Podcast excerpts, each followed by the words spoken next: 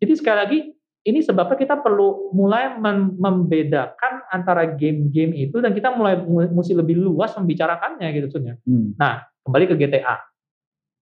Karena GTA itu mekaniknya memang ya. lu mesti hmm. bunuhin orang, orang hmm. mesti jadi bukan bukan harus ya, tapi lu nah. diarahkan ke sana. Ya. Lu lu nggak bisa argue itu, lu memang diarahkan ke sana. Emang game itu about jadi preman uh, jadi gitu. preman dan sebagainya benar. Minimal curi mobil kan.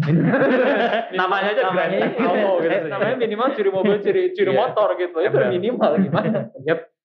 uh, nah uh, gimana kita menyikapi itu gitu nah gue tuh baru lebih sadar ya GTA itu tuh sebenarnya intentionnya apa? Itu setelah gue main gamenya Rockstar Games yang lain. Jadi Rockstar Games itu adalah developernya hmm. Grand Theft Auto. Hmm.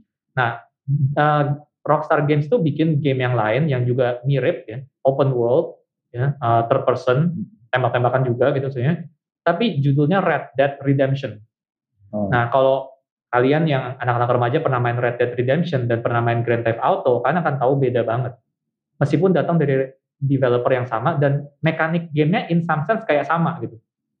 Jadi kalau lu lihat di uh, Red Dead Redemption, misalnya salah satu hal yang paling membedakan antara Red Dead Redemption sama GTA itu player movement.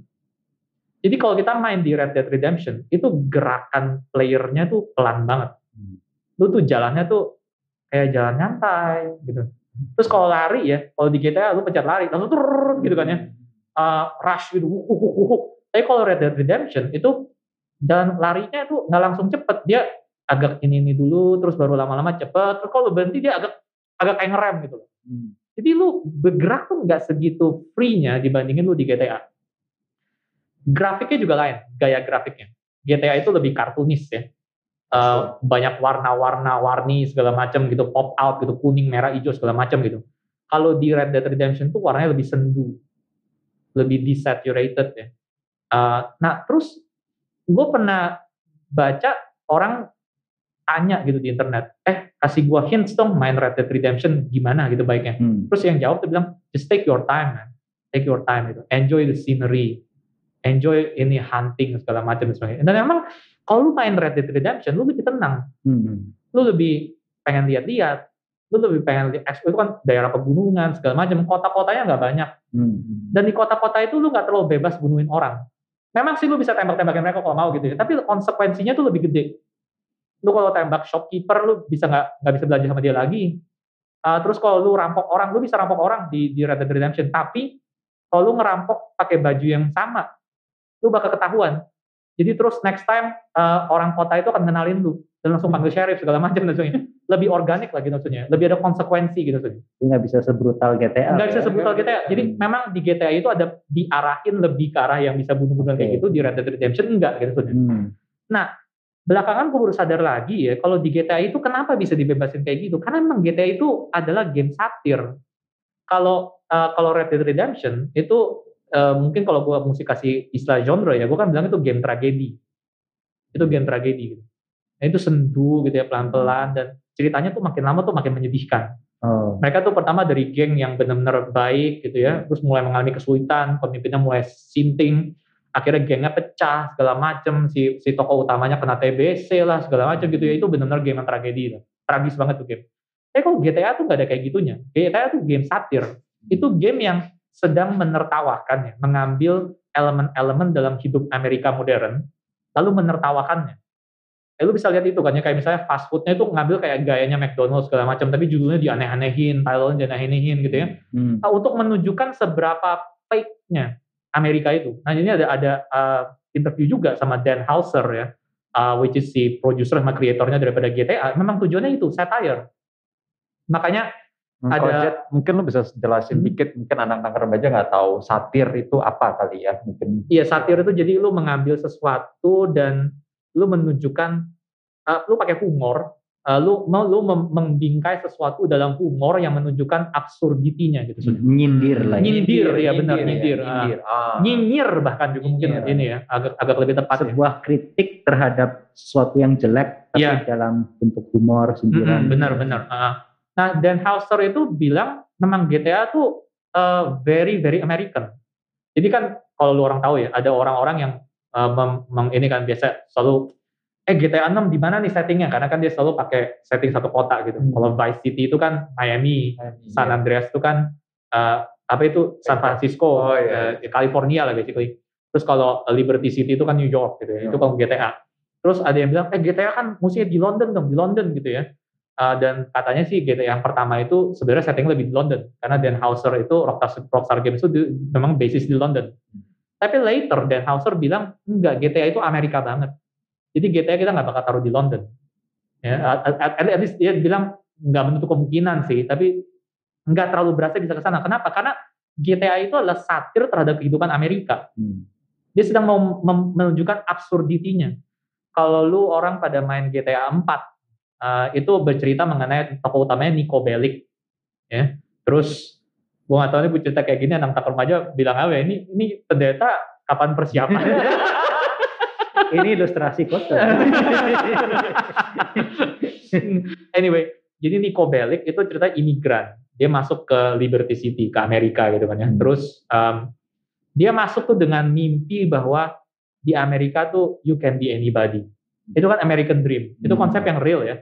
Memang orang-orang dulu uh, immigrant experience ke Amerika itu untuk itu kan, ya. cari kehidupan yang baru di the new world gitu. Hmm. Dan sampai sekarang pun masih ada semacam kayak mitos seperti itu meskipun mulai dipertanyakan.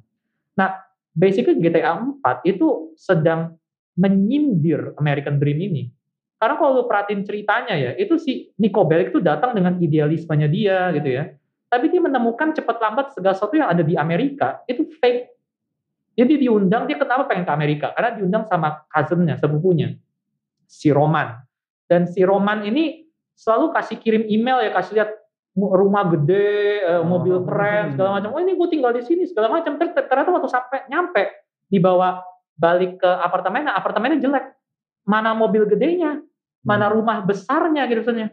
Oh ya itu nanti kalau kita udah udah sukses segala macam. Loh ini mah bohong gitu kan ya. Terus apa namanya dia juga mulai uh, karena dia nggak punya pacar akhirnya dijodohin sama seseorang gitu ya. Ini cewek kayaknya baik nih cewek Amerika baik eh ternyata ceweknya FBI agent segala macam. Jadi ceritanya tuh bener-bener semuanya tuh fake gitu. Hmm. Everything in Amerika itu fake gitu. Dan sini Kobelik juga akhirnya ada satu uh, monolog dia di tengah-tengah game yang dia ngomel mengenai ini. Kenapa everything di situ fake? Fake boobies, fake TV. Jadi um, akhirnya uh, dan waktu gue lihat kayak gitu ya, gue baru sadar, oh iya GTA tuh ternyata satir ini bukan game yang simply kasih kita tempat buat tembak-tembakin orang, simply buat tembak-tembakin orang. Hmm. Ini untuk kasih lihat, lihat nih, itu di Amerika tuh kayak gini. Ya tentunya bukan kayak gitu ya, bukan benar kayak gitu, bukan. Tapi eh, dia sedang mau menghadirkan esensi kehidupan di Amerika yang seperti itu. Dan itu a certain extent ada benernya. Karena di Amerika kerjanya itu lu ngelindes orang lain untuk maju. Hmm. Ya again ya, bukan cuma di Amerika ya. Tapi itu something yang very American lah kalau kita mau bilang gitu sih tentunya itu udah menyebar ke mana-mana di Indonesia juga udah mulai kayak begitu gitu saja. Tapi um, jadinya tuh um, apa ini satir dan gua rasa kalau lu mature, kalau lu gamer yang mature itu baru lu bisa menangkap hal-hal seperti ini. Dan ini powerful banget satir ini. Kenapa? Karena lu masuk di dalamnya. Karena lu menjalani itu, lu menjalani kehidupannya si Nico Bellic itu, lu yang tembak-tembakin tuh orang itu, lu melakukan apa yang sedang dikritik jadi kritiknya kena banget. ya. Iya, dan lu enjoy juga. Memang memang benar ternyata kehidupan yang kayak begini tuh menyenangkan. And yet akhirnya diungkapkan sebagai sesuatu yang ultimately shallow. Hmm. Nah, again ya, uh, ini sih pembacaan yang positif banget. Gue nggak bilang GTA sepositif ini juga karena tentunya pasti ada aspek komersialismenya. Hmm. Ya, mereka juga jual ini kan buat ngambil duit orang lain. Hmm. Terus setelah mereka juga masuk ke dalam itu gitu. Dan memang uh, gua rasa ada aspek mereka jual kayak gini karena emang orang enjoy tembak-tembakin orang sih. Itu itu udah pasti gitu. Tapi gua mau bilang GTA itu bukan cuma itu sebenarnya gitu. So again makanya kasih kayak gini ya tujuannya kasih kayak gini tuh bukan untuk mengatakan GTA itu positif and we all should play GTA po poinnya bukan itu poinnya adalah untuk kasih sekali lagi bahwa dunia game itu kompleks. Hmm. dunia game itu bukan sesuatu yang simple. Lo nggak bisa simply labelin satu hal oh pokoknya ini jelek oh ini ini bagus nggak nggak bisa kayak gitu gitu sebenarnya um, ada ada something yang yang lebih dalam yang kita perlu again pakai waktu untuk mempelajarinya dan mendalaminya sebelum kita itu terlalu cepat ngomong penghakiman Hmm. Jadi waktu lu main GTA dan satu lagi yang Redemption itu hmm. kira-kira yang Redemption kan uh, tragedi. Tragedi ya. Yep. Uh, tapi gue jadi mikir jadi kenapa ya kita pengen mainin game kayak gitu? oh, kalau kenapanya sih orang bisa lain-lain ya. Uh, Tapi again, uh, maksudnya again kayak gitu bisa iya, kayak kita mau gue sih uh, dengar itu iya. jadi pengen main terus terang. Okay, okay. Tapi gue sendiri wondering gitu ya, kenapa ya kita kita pengen gitu loh bisa mengalami hal-hal seperti itu yang padahal juga ya kalau GTA kalaupun kita meresponnya dengan positif berarti hmm. ujung-ujungnya kita melihat kebobrokan hmm. uh, dosa dan segala macam. Yeah, yeah. Terus redemption ya kita juga melihat tragedi, hopelessness gitu. Yeah. Uh. Uh, tapi apa ya tempatnya itu di dalam hidup kita sehingga itu something yang mungkin baik juga untuk kita lakukan. Nggak tahu sih gue jangan wondering. Karena kalau kalau gue sih kalau gue sih mikir kayak gini ya, uh, karena kebenaran itu sesuatu yang nggak cuma perlu lu itu uh, dengar dalam arti lu baca, lu lu ini terus lu bisa amini gitu ya. Tapi sering kali kan kebenaran tuh baru baru benar juga ada aspeknya ketika kita itu mengalami ya. Hmm. Hmm. Jadi misalnya secara teoritis of course kita bisa mengatakan kita percaya bahwa Allah itu mengasihi kita. Tapi tentunya ini lain banget dengan ketika kita itu punya pengalaman bahwa Allah itu mengasihi kita kan. Ini kan dua hal yang berbeda gitu. Hmm. Nah, game itu sekali lagi karena faktor identifikasi yang sangat kencang itu, maka game itu tuh sangat powerful dalam hal ini. Hmm. Game itu nggak perlu khotbah yeah. ke lu. Game itu tuh nggak perlu ngomong ke lu, hey American apa uh, culture kayak gini tuh shallow gitu ya, hmm. fake gitu. Dia nggak perlu tulis itu, tapi dia ajak lu mengalaminya. Dan itu something yang powerful. Iya, iya, iya. Itu something yang lu nggak bisa dapetin kalau lu cuma baca kalimat ada gini lah gampangnya ya. Lu orang nonton Avengers, sama lu baca Wikipedia summary cerita sinopsisnya Avengers gitu maksudnya. Mau yang detail kayak mau yang apa kayak terserah dia gitu ya. Kan nggak bisa nggak bisa menggantikan ya. Experience ya, experience. Itu kan ya. Nah game itu tuh membawa aspek experience ini to another level. Hmm. karena lu bukan cuma membaca ini terjadi tapi lu benar-benar menjalaninya. Hmm. so kalau dalam lu nonton film tokoh utamanya uh, dapat satu hal yang baik ya lu bisa bersuka cita tapi lu mungkin nggak sampai bangga kalau tokoh utamanya itu melakukan satu kebodohan uh, lu itu mungkin bisa sedih sama dia atau mungkin bisa kesel sama dia tapi lu nggak merasa bersalah tapi kalau lu main game dan tokoh utamanya yang lu mainin itu yang melakukan kebodohan lu bisa merasa bersalah loh. Hmm. Hanya hmm. game itu ada ada aspek identifikasi yang seperti ini yang lebih lebih gede banget. Yeah, yeah. Yang sayangnya mungkin kita belum belum apa namanya belum belum tap ya, belum belum belum belum mampu untuk mengolah ya. Uh, although again lu bisa lihat uh, game-game yang baik itu mengolah hal seperti ini uh, gue jadi ingat satu contoh ya bagus ya. Uh, jadi ada satu orang namanya Romero, bukan bukan ini bukan Romero yang bikin zombie-zombie itu bukan. Ini cewek, gue lupa nama depannya Beth atau siapa gitu. Dia bikin game yang agak-agak eksperimental. Uh, game itu namanya Train. Dan game ini tuh um, kas uh, buat riset jadinya. Hmm. Jadi uh, orang suruh datang di riset main game dan waktu main game itu basically objektifnya simple. Lu disuruh untuk memasukkan sebanyak mungkin orang ke dalam gerbong-gerbong kereta. Lalu lu harus make sure gerbong kereta ini sampai ke tujuannya. Jadi lu harus bersihin halangannya segala macam ya. Biasa kan game kan ada tantangan-tantangannya gitu segala macam. Terus ya seperti biasa orang main game itu berusaha untuk wah sebanyak mungkin masukin gitu ya. Uh, ini apa orang sini masih tepat masukin masuk sampai sampai ikan sarden gitu ya. Terus sebisa mungkin semuanya nyampe ke tempat tujuan dengan selamat gitu. Tapi lalu yang menarik dalam game ini adalah si uh, si si apa namanya si Romero ini dia mulai kasih hint-hint hmm. di di dalam gamenya bahwa sebenarnya tujuannya tuh ke mana dan siapa yang sebenarnya ada dalam uh, gerbong-gerbong kereta itu dan ternyata di tengah-tengah game ketahuan tujuannya itu ke Auschwitz. Oh. Dan, dan si Camp Nazi. Camp Nazi dan dan orang-orang yang dalam gerbong kereta ini adalah orang-orang Yahudi yang mau dibunuh. Nah ini interesting kan ya, karena di dalam poin itu uh, risetnya itu mulai mulai masuk hmm. dan mereka mulai lihat ternyata orang-orang begitu mereka mulai menyadari ini Auschwitz, ini ini mau ke kamp konsentrasi, mereka mulai mensabotase game mereka sendiri. Ada yang berusaha untuk oh enggak deh jangan jangan banyak-banyak yang masuk. Tadi kan sebisa mungkin banyak yang masuk gitu kan. Sekarang boleh jangan jangan banyak yang masuk gitu. Uh, terus uh, keretanya bukan disampaikan ke tujuan tapi malah dihalang-halangi gitu. Lucu gitu. Jadi um, ternyata game itu mempengaruhi kita dengan begitu dalam ya. Nah kita tuh sering kali pikir game itu oh game itu membuka apa semua uh, jalan. Lu bisa jadi orang baik lu bisa jadi orang jahat gitu ya. Bahaya banget nih. Uh, tapi actually kalau kita lihat riset-risetnya ya, orang yang main game secara keseluruhan, secara kebanyakan, secara umum itu ambil jalur yang bermoral. Hmm. Jadi misalnya Mass Effect ya, itu salah satu game yang terkenal sekali dari BioWare. Hmm. Dan Mass Effect itu lu ada dua jalan gitu. Lalu lu kalau dialog segala macam tuh ada pilihan mau Paragon atau Renegade. Dan kenapa gue sekali lagi Paragon lihat ke lu dan Renegade Tapi anyway, uh, jadi Paragon tuh yang lebih bermoral, Renegade itu yang lebih jahat gitu ya.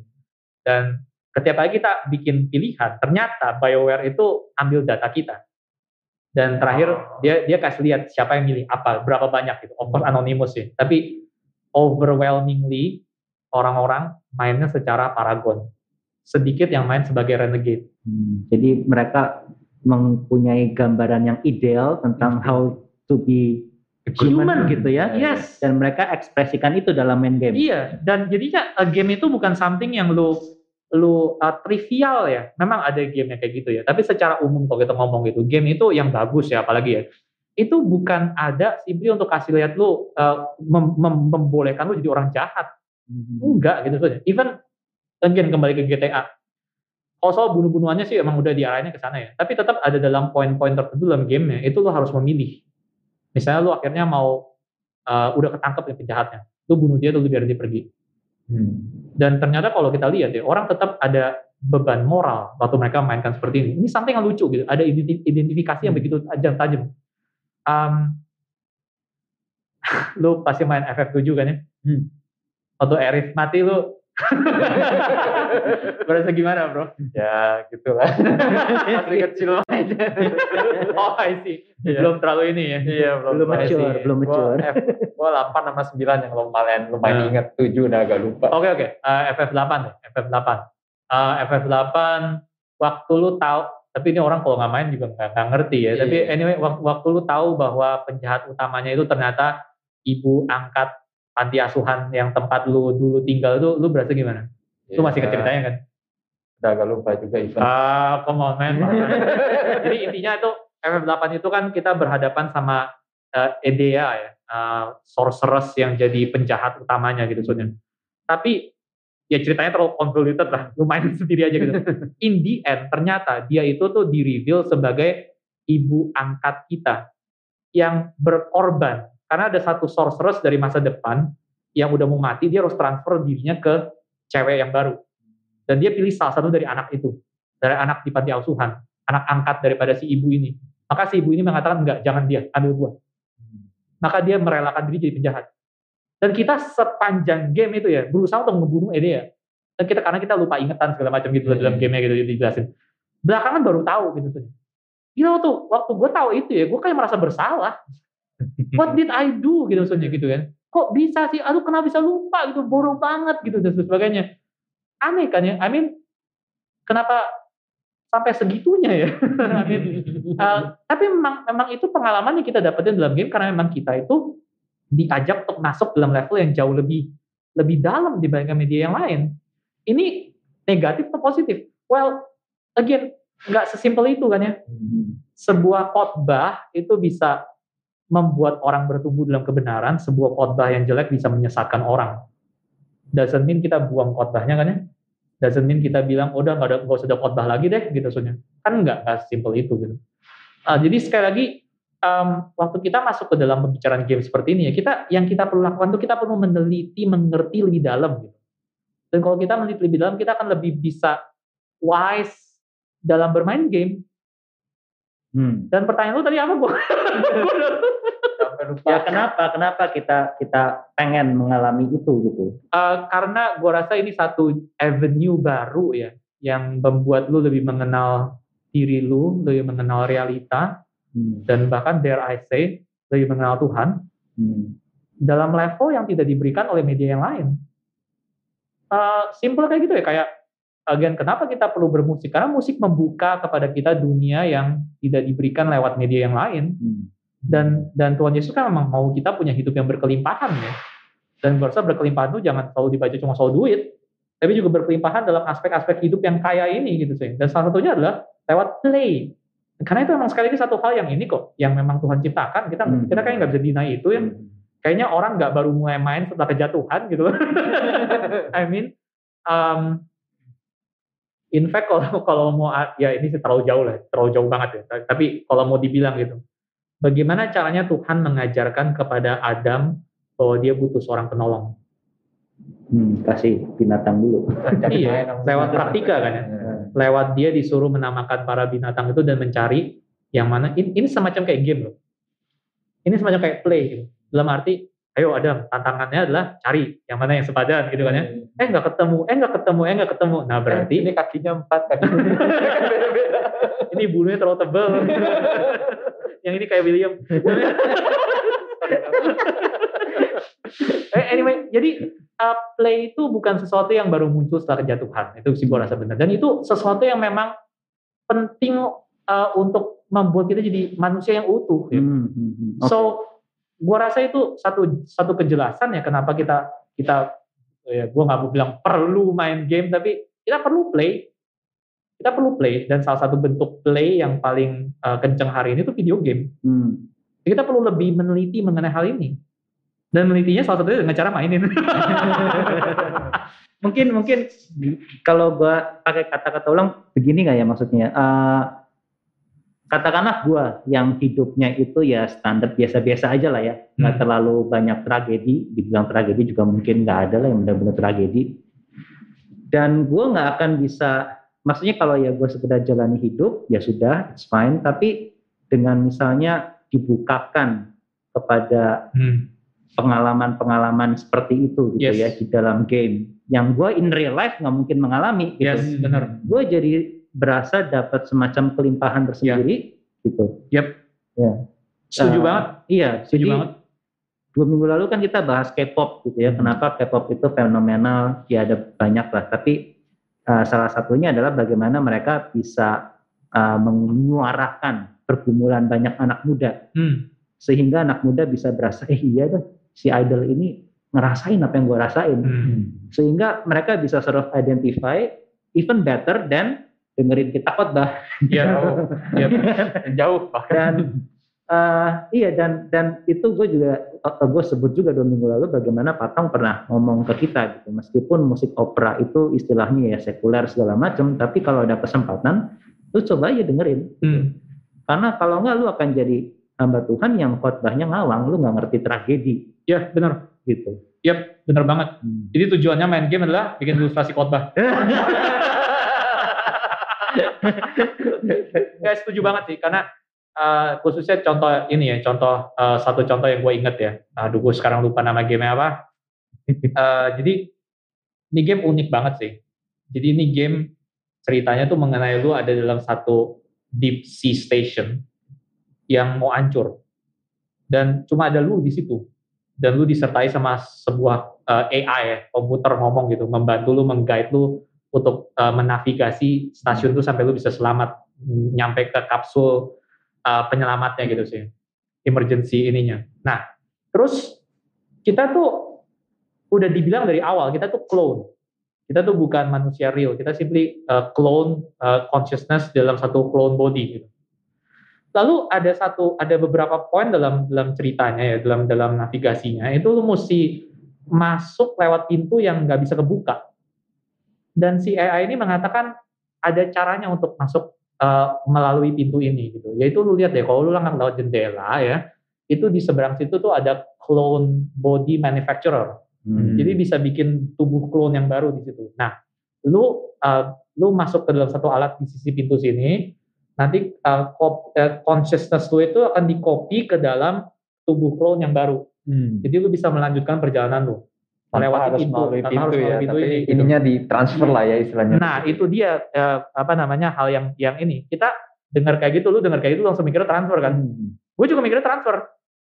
sampai terus waktu kita udah mengalami uh, prosesnya itu kan ya, ceritanya layar udah gelap terus nyala lagi gitu ya kita sekarang di seberang nih hmm. kita di tubuh clone yang baru ini ya. terus kita bangun terus kita lihat lewat jendela loh kok masih ada clone yang lama yang tadinya kita itu lagi jalan-jalan di ruangan yang tadi ah, kok aneh gitu. Terus si terus ternyata player karakternya tanya.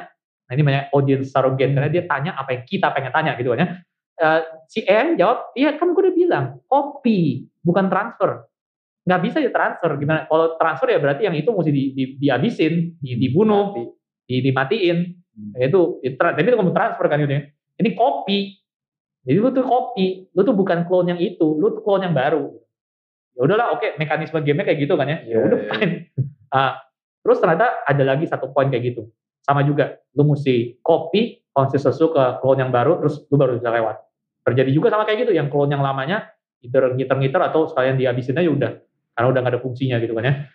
Jadi terus lu pergi lagi. Nah terakhir poin yang terakhir yang terjadi adalah benar-benar momen terakhir. Lu udah sampai ke gua yang besar ruangan besar tempat peluncuran kapsulnya itu terus udah udah runtuh-runtuh segala macam gitu hmm. udah genting nih udah cepet mesti cepet-cepet terus lu nyampe ke ujung itu terus lu um, apa namanya dapat lagi prompt kayak begitu lu juga nggak bisa masuk kapsulnya dalam kapsulnya ada tubuh clone yang baru lu mesti copy your consciousness ke sana. Hmm. Terus prosesnya berjalan, layarnya hitam, nyala lagi, dan lu masih di situ. Hmm.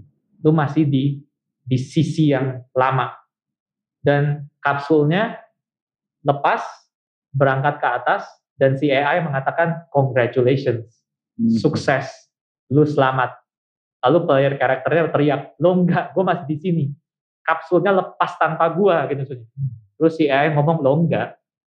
Clone itu udah tercopy konsistensinya. Dia udah selamat. Lu udah selamat.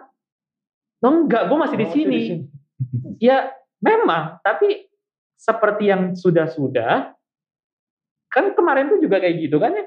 Clone-nya di copy, ya, konsisten di copy, terus selamat. Cuma ini kan, ngerti kan pinternya kan ya. Yeah, yeah. Jadi di poin yang pertama dan kedua, memang cerita kayak 50-50. Lu either bangun lewat perspektif yang lama atau lu bangun dalam perspektif yang baru. baru. Dan dua, yang pertama lu bangun di perspektif yang baru. Sekarang yang ketiga, lu mengalami pengalaman kalau lu nggak bangun di perspektif yang baru. Hmm. Lu melanjutkan hidup lu sebagai klon yang lama. Hmm. Di saat momen itu, itu brilian banget karena lu baru sadar apa yang lu lakukan kepada dua klon yang tadi itu. Yeah, yeah. Lu baru sadar apa apa benar apa bobot sesungguhnya dari tindakan lu sebelumnya ya ya dari tadi juga sama sebenarnya. Dari tadi setiap kali lu transfer bukan transfer kopi kayak gini ada yang ditinggalin. Ada yang ditinggalin, ada yang nggak bisa lanjut. Sekarang lu mengalami sendiri. Dan waktu kita mengalami kayak gitu ya, kita bukan cuma baca ada yang mengalami kayak gitu. Kita benar-benar mengalaminya. Ini orang yang kita itu jalanin kakinya gitu. Ini orang yang pilihan-pilihannya itu adalah pilihan-pilihan kita gitu. Dan waktu kayak gitu ya, lu baru sadar, ya ampun, what have I done gitu. Hmm dan gamenya berhenti di situ. Najis banget. Iya, Tapi itu game yang brilian ya, maksudnya dalam arti uh, ya itu seperti yang tadi si Ivan bilang ya, ini ini experience yang kita nggak bakal nggak bakal dapat di real life. Hmm. Tapi sama, science fiction juga sama. Science fiction itu kasih skenario-skenario yang luar biasa fantastis kan. Hmm. Kita nggak bisa lakukan dalam dunia ini. Tapi kenapa itu perlu? Karena lewat menjalani hal-hal yang seperti ini kita bisa lebih melihat sekali lagi kembali ke realita yang benar. Hmm kita lebih bisa menyadari sekarang waktu kita kembali ke dunia nyata, gue rasa gue belajar sesuatu ya, yaitu um, gue harus sadar waktu gue melakukan sesuatu ke orang nih, itu gue mungkin nggak sadar loh uh, seberapa bobotnya sampai gue jadi korbannya gitu. Hmm. Dan itu itu pengalaman yang limpah. Itu pengalaman yang membuat harusnya kita jadi human being yang yang, yang lebih baik ya. So hmm. iya itu itu salah satu yang yang gue rasa uh, pengalaman yang jelas sekali gitu ya. Ya, again, makanya game kayak gini yang sebenarnya lebih perlu dimainin ya dibandingin game yang lu kerja cuma uh, naik level segala macam gitu ngejar ngejar apa equipment item uh, segala nah, macam. Ya. Ini mungkin Actually, ini ya. nih. Oh iya, enggak, gue pengen coba uh, ngomong uh, pakai bahasa gue gitu yeah, ya. Gitu. Uh, Misalnya kan kita keluar lama tuh A, dan kita kan yang selalu berhasil, kita kan selalu menjadi B ya. Istilahnya hmm. kalau kita waktu jadi jadi klon si B itu, kita merasa fine, kalau kita mengorbankan orang lain, hmm, asal kita, kita advance gitu, ya, asal kita maju lebih maju dan kita hmm. terus berasa seperti itu dan kita hidup di dunia ini kita sadar gitu. Hmm. Tapi ternyata kita baru sadar waktu transfernya itu kita tetap di A nggak jadi si B, hmm. kita jadi orang yang dikorbankan. Yes. Ya kan? Orang yang dikorbankan itu nggak bakal pernah terima. Tapi kalau kita terus merasa di dalam hidup ini, oke, okay, gue bisa korbankan others nggak ada masalah. Hmm. Tapi ternyata setelah kita yang jadi korbannya dan kita lihat itu di bayi-bayi di atas, itu nggak enak banget ya itu hmm. momen eureka momen kali ya yes, bagi yes, ya, dalam bener. itu ya. Uh. Yeah. Ya ya untuk uh, ini sendiri gue juga refleksi kayak bagaimana ya bisa lihat jadi kayak begitu ya. Di sini pastinya. Lu pernah dikorbanin apa? enggak enggak enggak. Pernah mengorbanin siapa? okay, Bagaimana perasaannya tuh babi-babi yang kita berusaha korban? Oke, okay. wah ini sih sangat insightful ya. Maksudnya uh, main game itu bisa kita bisa reflect dan bisa mendapatkan kelimpahan. Yes. Dan gua rasa ini contoh bagaimana sih seharusnya kita itu uh, bermain game dengan sehat gitu kali ya. Nah tapi mungkin sebelum kita selesai, mungkin kita mesti sedikit address nih beberapa hal yang negatif juga kali ya hmm. tentang game karena ya sekali lagi apa yang bagus bisa jadi jelek begitu. Hmm.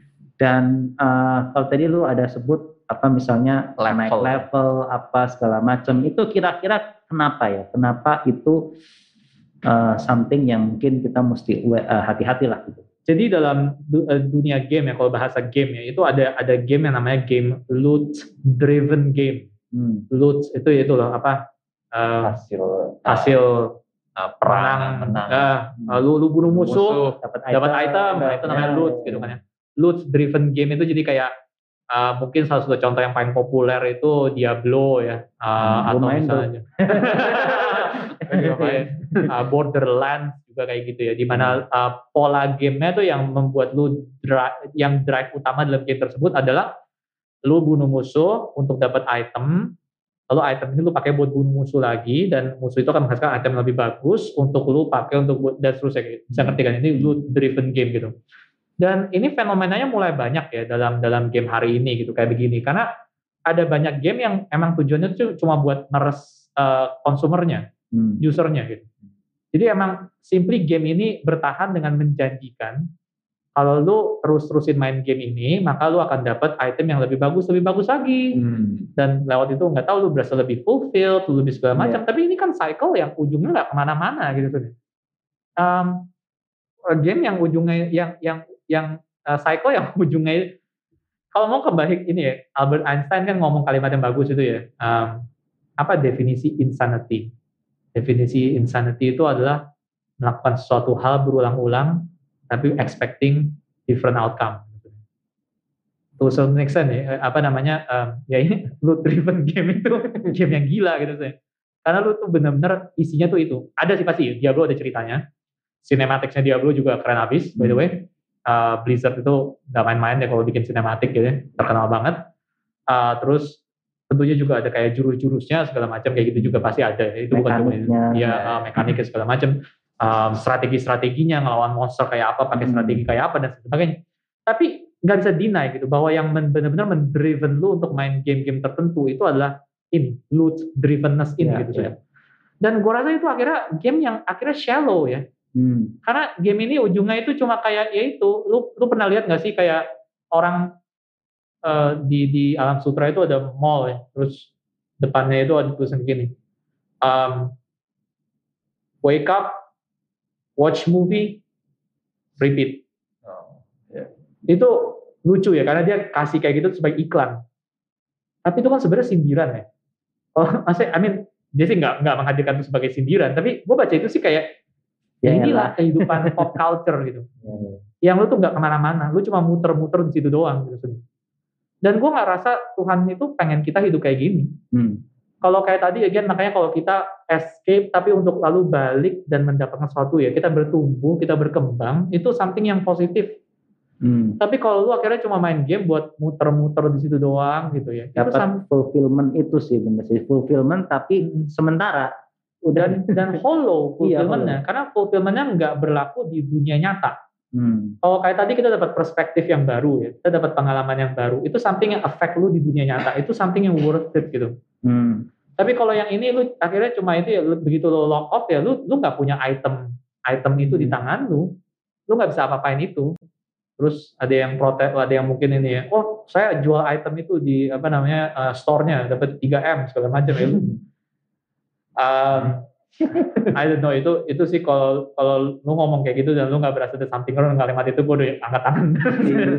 di satu sisi kita iri ya punya duit sebanyak itu tapi sisi lain kasihan juga hidup lu cuma segitu doang gitu iya. dan dan gue nggak tahu kalau lu dapet 3 m segampang itu ya gue nggak yakin lu akan spendnya dengan wise. Hmm. Uh, tapi anyway ya who am, who am I to talk? Gue nggak punya 3 m. yeah. Tapi anyway, um, ini kembali lagi guys. So uh, iya uh, uh, game yang loot driven tuh kayak game yang ujungnya tuh hollowness sia-sia ya.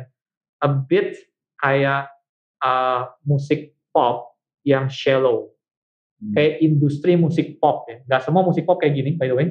Tapi kalau kita lihat misalnya kayak kritiknya Theodore Adorno terhadap musik pop, which is kayaknya anak remaja kita udah familiar banget karena Ko Ivan kayaknya sering, uh, senang banget ngomong itu kan ya um, Adorno itu bilang kan problem dengan musik pop itu bukan soal musiknya sendiri atau gayanya sendiri atau stylenya sendiri, tapi musik pop itu dibikin untuk tujuan um, industrialisasi, untuk tujuan komersialisasi, untuk tujuan simply untuk sustaining itself. Hmm. Kalau dalam Alkitab ya kita lihat gitu ya, uh, sesuatu itu sukses bukan ketika dia itu bisa mempertahankan hidupnya, tapi sesuatu itu sukses ketika dia itu bisa menggunakan hidupnya atau bahkan matinya untuk menghidupkan orang lain. Ini kita lihat dalam diri Yesus Kristus itu paling jelas gitu maksudnya. So gue rasa kalau misalnya game itu sukses dalam kacamata Kristen, itu adalah ketika game ini nggak hidup bagi dirinya sendiri, tapi game ini membuat kita bisa lebih hidup di dalam hidup yang nyata misalnya. Seperti, seperti kayak tadi, escape ke situ tapi untuk kembali ke dalam dunia nyata. Lewat masa yang kita pakai dalam game ini itu bisa malah menghidupkan kita di uh, masa kehidupan yang yang real ini gitu sebenarnya. Hmm. Um, so itu mungkin salah satu kriterianya ya, salah satu tandanya yeah. gitu, salah satu karakter, salah satu elemen yang kita sepakai untuk evaluate between game yang jelek sama game yang bagus.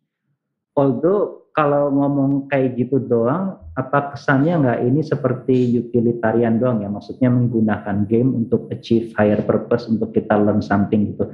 I mean hmm. misalnya kayak game yang ya kita kan dulu sering main bareng tuh main FIFA atau apa itu kan bukan something ada story kita bisa belajar kan tapi simply having fun memainkan mekanik gamesnya hmm, hmm. tapi still gue juga ngerasa itu beda sih sama yang loot driven itu ya hmm. gimana uh, kita dapat kepuasan di game-game yang mekaniknya menarik kayak kita main Zelda misalnya ceritanya sangat biasa saja tapi hmm.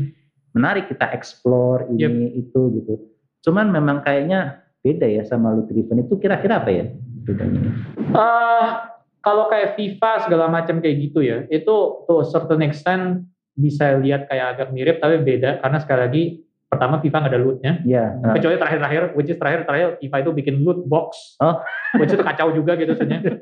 Sampai akhirnya akhirnya di ban di Eropa atau di mana gitu gue nggak inget lah, ah, nggak uh, bikin lagi karena karena box itu. Karena box iya, jadi loot box itu nggak boleh lagi gitu. FIFA-nya tetap boleh, tapi loot boxnya nggak boleh. Orang tahu loot box ya yang yang ah. Apa sih misterius box segala macam uh. lu pakai poin atau lu pakai duit beneran untuk nggak tahu dapat apa nggak tahu gitu. dapat apa gitu ya itu is, gua rasa menariknya itu orang yang loot begitu ya uh, unsur yang dieksploit itu kayak ada unsur gamblingnya gitu. Iya yeah, uncertainty. Gambling. Gambling gambling. Iya, gambling ya, ya, ya. menarik. Tapi anyway. Nah anyway tapi yang membuat lu main FIFA secara terutama tuh bukan itu. Hmm. lu nggak lu nggak uh, datang ke FIFA demi uh, loot yang lu bisa dapetin. Hmm. At least gue nggak tahu lah kalau sekarang ya. Mungkin ada juga sih yang main FIFA udah langsung kayak tertarik sama itu. I don't know. Tapi gue main FIFA dari FIFA 97 actually. Pas juga pertama kali main satu. Iya FIFA 97 dan gue memang main itu buat main bola. Bukan hmm. buat dapetin kayak semacam ininya. Gue main itu buat exploring gimana caranya yang paling efektif atau paling indah atau paling beautiful atau paling straight direct untuk bisa score goal segala macam ya gimana untuk bisa atur-atur antara taktik between the players segala macam atau simply untuk have fun seperti yang lu yeah, bilang yeah. gitu kan ya karena hmm. emang main bola itu lu nggak harus aware kok dengan segala urusan taktik-taktiknya untuk bisa menikmati gitu sih meskipun hmm. itu jalan juga sih sebenarnya secara intelektual ya uh, tapi intinya yang mendrive lu untuk main FIFA atau main game-game yang yang apa yang tadi itu bukan loot gitu. hmm. bukan untuk simply mengulangi satu pattern yang reinforcing itself itu terus terang sih pattern yang reinforcing itself itu pattern close system kayak gitu ya itu pattern addiction gitu. Hmm, addiction itu yang memperbudak gitu ya. Iya, Jadi, ada slavery-nya bener. Hmm. Uh, jadinya sekali lagi memang ya, uh, gue gue pasti akan mengatakan main game itu nggak harus semuanya bisa dijustify untuk kita higher learning dapat segala macam. Dari tadi kita ngomong kayak gitu kan, yeah. narasi kayak gini bisa dapat ini, bisa kembali ke dunia segala macam. Tapi gue sih tetap open juga untuk simply untuk main fun, game, ya. untuk simply have fun. Hmm. Karena sekali lagi uh, play itu waktu si anak kecil perempuan main boneka, dia nggak melakukannya demi untuk mendapatkan sesuatu. Hmm. And yet dia dapetin anyway. Jadi awareness lu bahwa lu sedang mainin itu dalam sesuatu itu bukan something yang important sebenarnya. Hmm. Play-nya yang important. Outcome-nya bodoh dapat atau enggak itu itu nggak terlalu penting buat lu kan. Yang penting tuh having fun and dia tetap having fun itu karena ada ada benefit ada benefitnya. Yeah, yeah. Jadi lu nggak harus aware sama itu. Hmm. Kalau kita setiap kali main tuh harus ada oh pokoknya gue mesti tahu dulu nih sebelum gue main game ini gue bisa dapat apa untuk kehidupan gue nyata itu rasionalisme hmm. karena sebenarnya yang lu cari bukan benefitnya hmm. tapi kesadaran bahwa lu dapat benefit nggak harus hmm. kayak gue bisa ngomong kayak gini lah ya um, apa namanya Will lu kenapa masuk SD nggak homeschooling Will? Well, nggak tahu juga lah ya lu bukan yang memutuskan ya. Uh, tapi misalnya lah gitu kita kita tanya ke diri kita kenapa kita sekolah SD terus kita ngomong iya tuh nggak ada guna sekolah SD itu ya kayaknya nggak ada nggak ada hal yang yang nyampe gitu hari ini gitu sih. Uh, semua ilmu SD tuh kayaknya dibuang deh. Uh, nggak ada yang nggak ada yang bertahan gitu. Well katakanlah itu benar ya meskipun enggak sih karena tetap tambah kurang kali segala macam kan belajar di situ. Tapi anyway um, katakanlah itu benar at least 60 persen ya let's say gitu bahwa informasi atau data yang didapetin di dalam bangku SD itu nggak dipakai dalam kehidupan nyata so kayaknya itu nggak berguna tapi gue akan mengatakan enggak. Karena lu di SD kan bukan cuma belajar pelajarannya ya. Tapi lu di SD itu lu masuk ke dalam satu, lu belajar bagaimana untuk masuk hidup dalam sebuah, sebuah masyarakat. Lewat skala yang lebih kecil, ruang kelas. Bagaimana lu koeksis dengan orang-orang yang lu nggak suka. Bagaimana lu dengan koeksis dengan figur otoritas. Bagaimana lu koeksis dengan uh, even barang-barang mati, benda-benda mati itu lu pelajarin sedikit banyak di, di SD juga gitu Hmm. Dan itu yang stay sampai sekarang, whether or not lu sadar atau nggak sadar. So kesadaran dapat benefit ya itu overrated gitu. Memang kalau bisa ada, why not? Tapi nggak harus ada juga sih. Hmm. Jadi, Jadi lu bisa main game simply untuk have fun. I don't, I don't mind gitu. Hmm. Jadi jawaban kenapa gue kuliah komputer lalu masuk STT. nggak kepake komputer. gue kuliah musik masuk STT juga nggak nggak terlalu nggak terlalu kepake. Lu nggak mau pakai gue kuliah ekonomi masuk STT ya. Jual sepeda. anyway, oke okay, jadi jadi itu ya. Uh, ya ada ada lagi nggak yang mau disampaikan mungkin? udah nggak Uh, mungkin satu hal yang terakhir yang kita uh. belum sempat ngomong ya, yaitu mengenai komunitas dalam game. Ah iya. Gue rasa itu juga penting ya, yeah. karena mungkin akhirnya anak-anak remaja dengar semua ini, terus mereka bilang, well oke, okay, tapi bagaimana caranya untuk kita bisa uh, punya kebiasaan habit gaming yang positif ya, habit hmm. gaming yang reflektif, habit gaming yang bisa uh, memilah-milah antara experience game yang membawa kepada kehidupan dan experience game yang membawa kepada kematian gitu bagaimana caranya gitu, hmm. gitu dan rasa jawabannya itu memang dengan kita sendiri reflect dengan sendiri kita belajar kita meneliti di dalam mengenai game tapi kita nggak berhenti di situ karena kita gereja.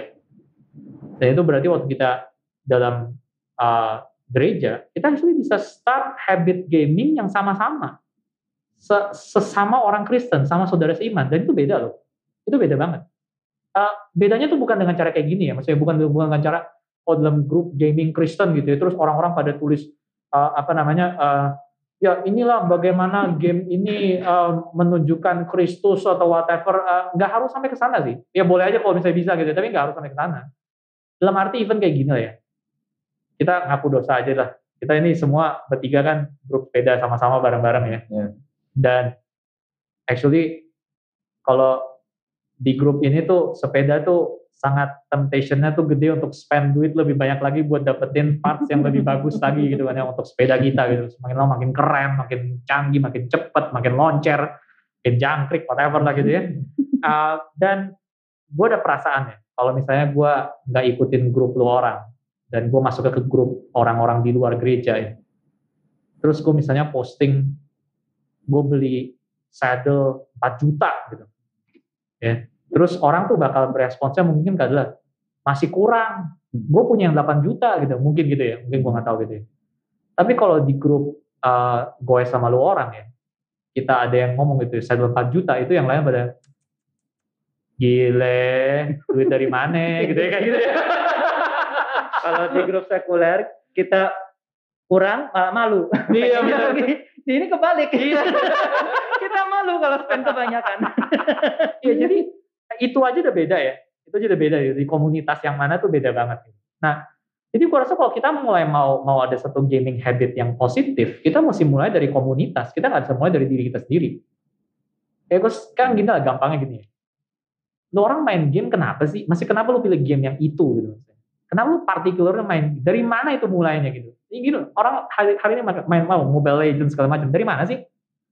Berapa banyak yang main itu karena kayak baca review terus oh ini bagus atau whatever gitu ya quality game kayaknya lebih banyak ya karena komunitas tuh main game yang sama kan hmm. and so karena kalau karena itu fear of missing out iya ya ada itunya gitu sih dan fear of missing out itu enggak entirely negatif ya dalam arti kalau dalam satu komunitas yang baik, lu fear of missing out hal-hal yang baik dalam komunitas tersebut itu juga satu hal yang positif gitu.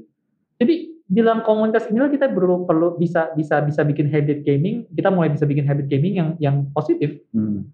Kalau kita mulai saling main sama-sama, nggak harus main sama-sama banget, tapi kita membicarakan game sama-sama, ada certain saling mengawasinya juga, hmm. ada saling encouraging juga, di dalam komunitas Kristen itu bisa terjadi. Dan ini satu hal yang mungkin paling enggak langkah pertamanya hmm. atau langkah paling mendasarnya. Karena kalau lu sendirian di luar sana terus tuh mau coba melawan pengaruh dunia sendirian gitu ya, good luck. Dan apalagi ini kan ya kalau bilang ini kan kayak ranah baru ya. Jadi kita susah kadang ngomong positif, negatif gitu ya. yes. ya. Jadi why not kita bergumul bareng-bareng ya, gitu. Benar. Bergumul bareng-bareng di mana kita bisa saling hati-hati gitu ya dan justru dari situ ya nggak tahu ya mungkin aja nanti siapa tahu ada game developer dari ini hmm, yang betul-betul bisa memanfaatkan medium ya. yang begitu powerfulnya gitu. Yes.